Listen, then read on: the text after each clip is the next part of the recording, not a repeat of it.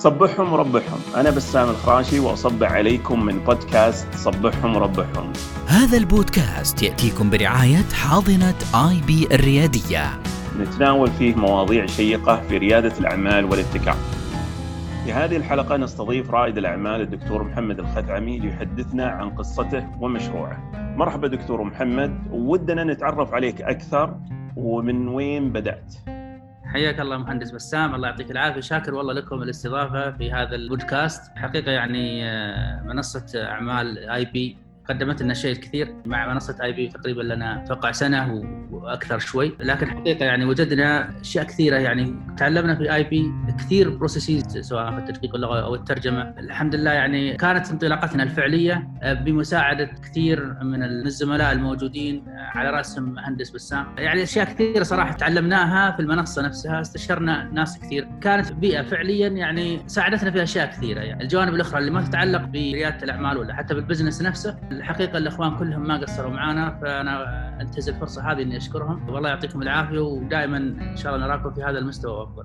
طيب هو عام تقريبا عام 2014 نعم. اللي كانت نقطة البداية إنه في أحد الزملاء عنده إشكالية في طبعا إحنا مشروعنا مشروع تدقيق لغوي وترجمة. نعم. كان أحد الزملاء يشتغل في جريدة آه، عكاظ وكانت الجريدة آه، يحتاجون لكل خبر ينزل تدقيق لغوي. الجريدة نفسها آه، والصحيفة كانت يعني عندهم فريق مدققين لغويين لكن أحيانا يواجههم مشكلة إنه في آخر اليوم قبل طباعة الصحيفة اللي هو تقريبا 12 واحدة الفجر تجي أخبار عاجلة في نفس الوقت وتحتاج إلى مدققين. دقيق فهم يحتاجون آه، إلى مدققين خارجيين لتدقيق هذه الأعمال العاجلة. من هنا بدأت الفكرة. كانت فكرة أحد الزملاء انه يكون في منصة تجمع المدققين جميعهم.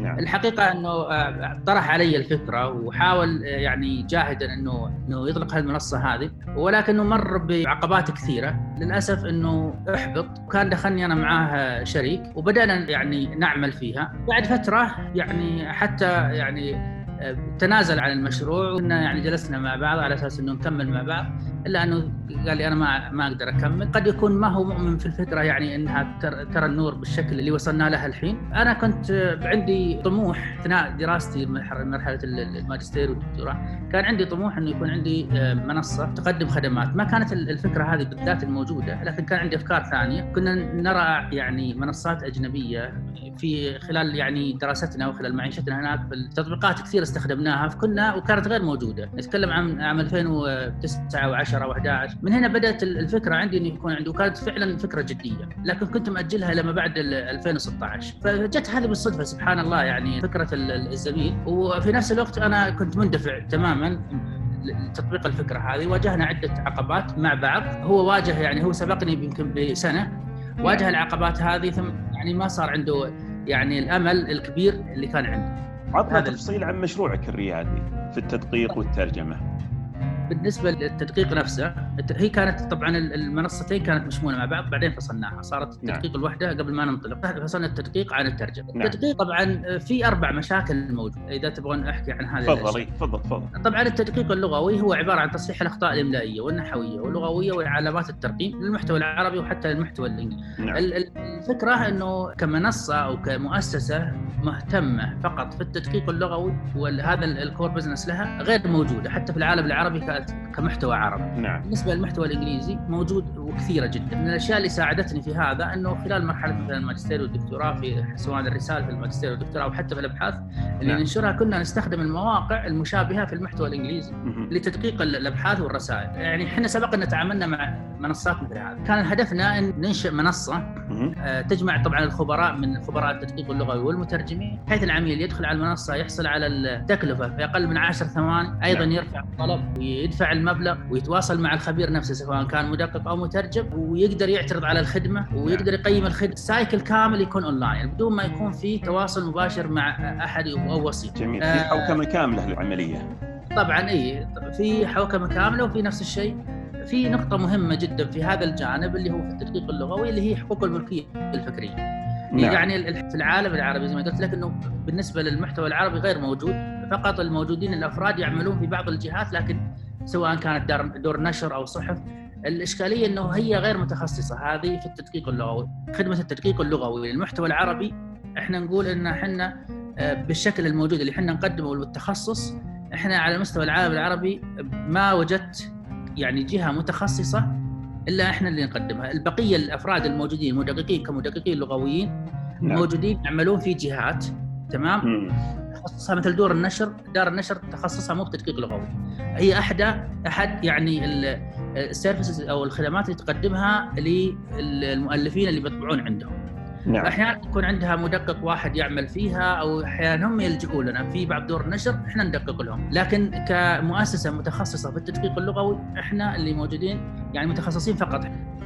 أنت وضحت يعني نقطة في كانت في قرارك إنك في تأسيس المشروع هذا لما ذكرت المجله وبعدين لما اشتغلت على رسالة الماجستير والدكتوراه وكنت تشوف منصات اللي باللغة الإنجليزية لما كنت تستخدمها وذكرت انه عدم وجود الشيء هذا، طيب ليش قررت إنك تركز هذا؟ هل في شغف في ناحية التدقيق اللغوي أو فقط بحكم تخصصك التقني لأنك ذكرت في البداية إنك تبغى تأسس منصة لتقديم خدمات من نوع ما؟ ليه اتجهت للترجمة والتدقيق؟ هل في صار في نوع من الشغف أو لمست حاجة للسوق بالتفصيل فيها؟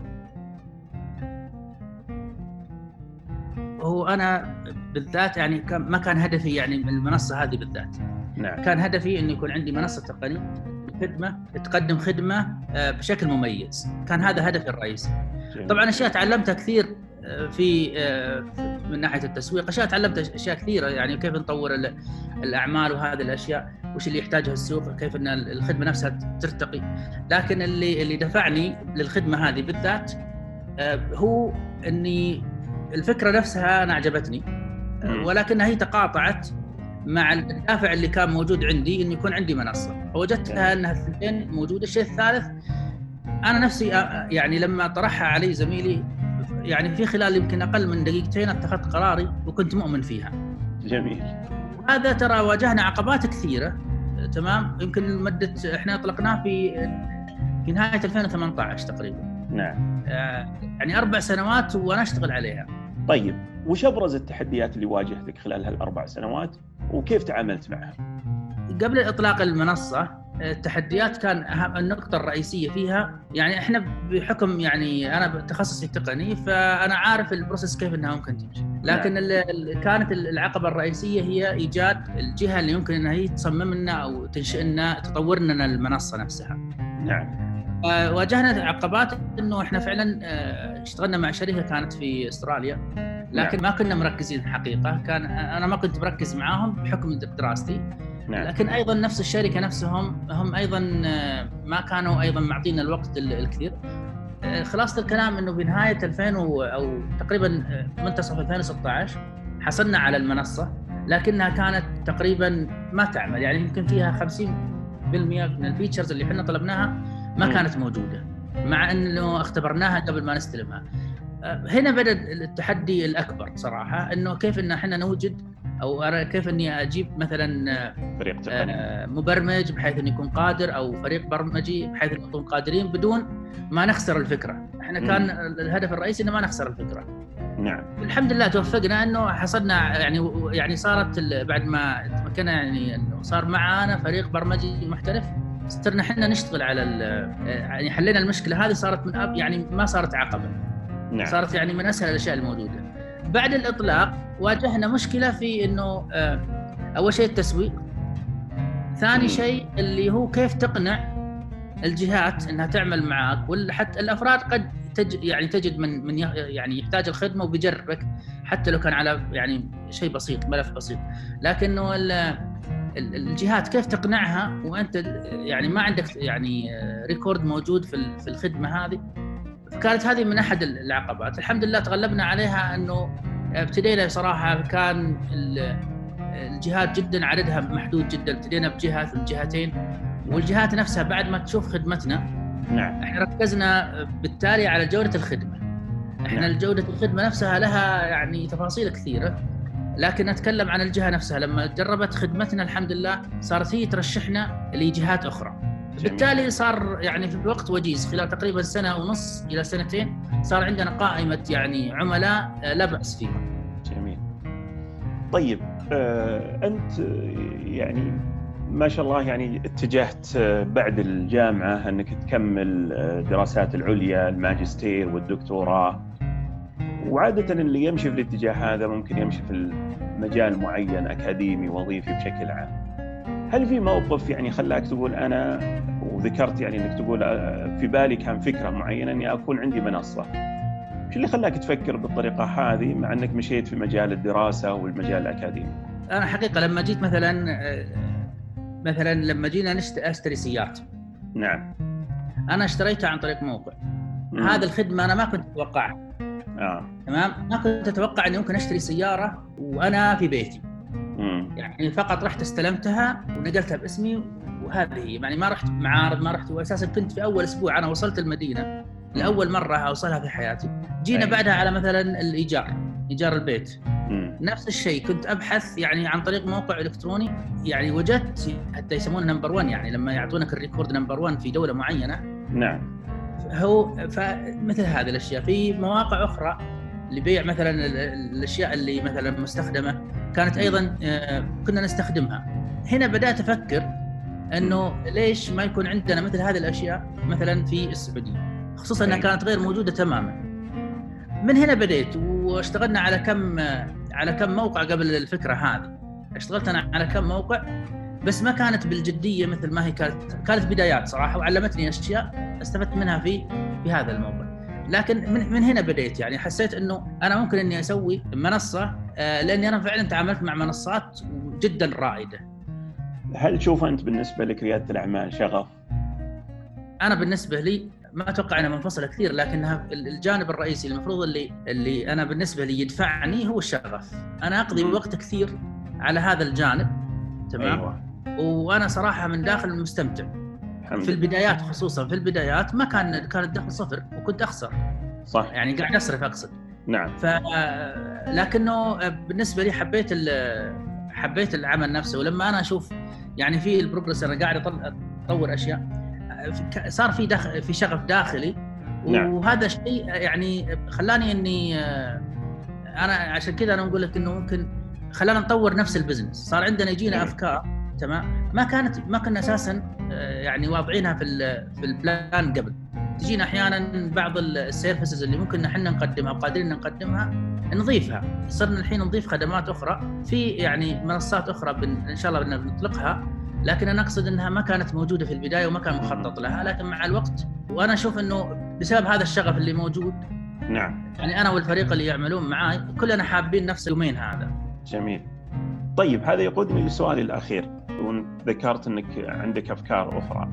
طيب متى يمكن نقول إنك حققت أقصى طموحاتك كرائد أعمال؟ المسمى يطلق كرائد أعمال بس أنا لما أبتدي آه، أنا ماني يعني مرة على المسمى ولا طيب. آه هذا أنا حريص عليه بقدر ماني أنا حريص على إنه يكون قد إني أمشي في الاتجاه هذا وأنا ماني عارف نعم. لكن أنا حريص جدا على الخدمات اللي أنا أقدمها قبل كل شيء إنه يكون عندي الجودة والسمعة تكون جدا مرتفعة. جميل. أنا بالنسبة لي لما أنت تسألني مثلا متى ممكن إني أقول إني خلاص حققت اللي عندي؟ والله الحمد لله أنا وأقولها وأنا واثق في هذا الكلام لما نجي نصلح شغلة آه، نعم. نتفاجئ إنه ممكن لو نقدم خدمة نطور خدمة معينة نتفاجئ إنه في خدمة أخرى قد إحنا آه، نطورها بنفس المستوى نعم. وتحتاج لها أحيانا وقت لكن بعدها نجد إن وصلنا للمرحلة اللي كنا إحنا نخطط لها. جميل. في الختام آه، يعني نشكر ضيفنا الدكتور محمد الخثعمي بإذن الله بيكون برضو رابط المنصات اللي يقودها الدكتور محمد اللي هي تراجم والتدقيق اللغوي موجودة في الموقع مدقق ونلقاكم على خير في الحلقة القادمة من بودكاست صبحهم وربحهم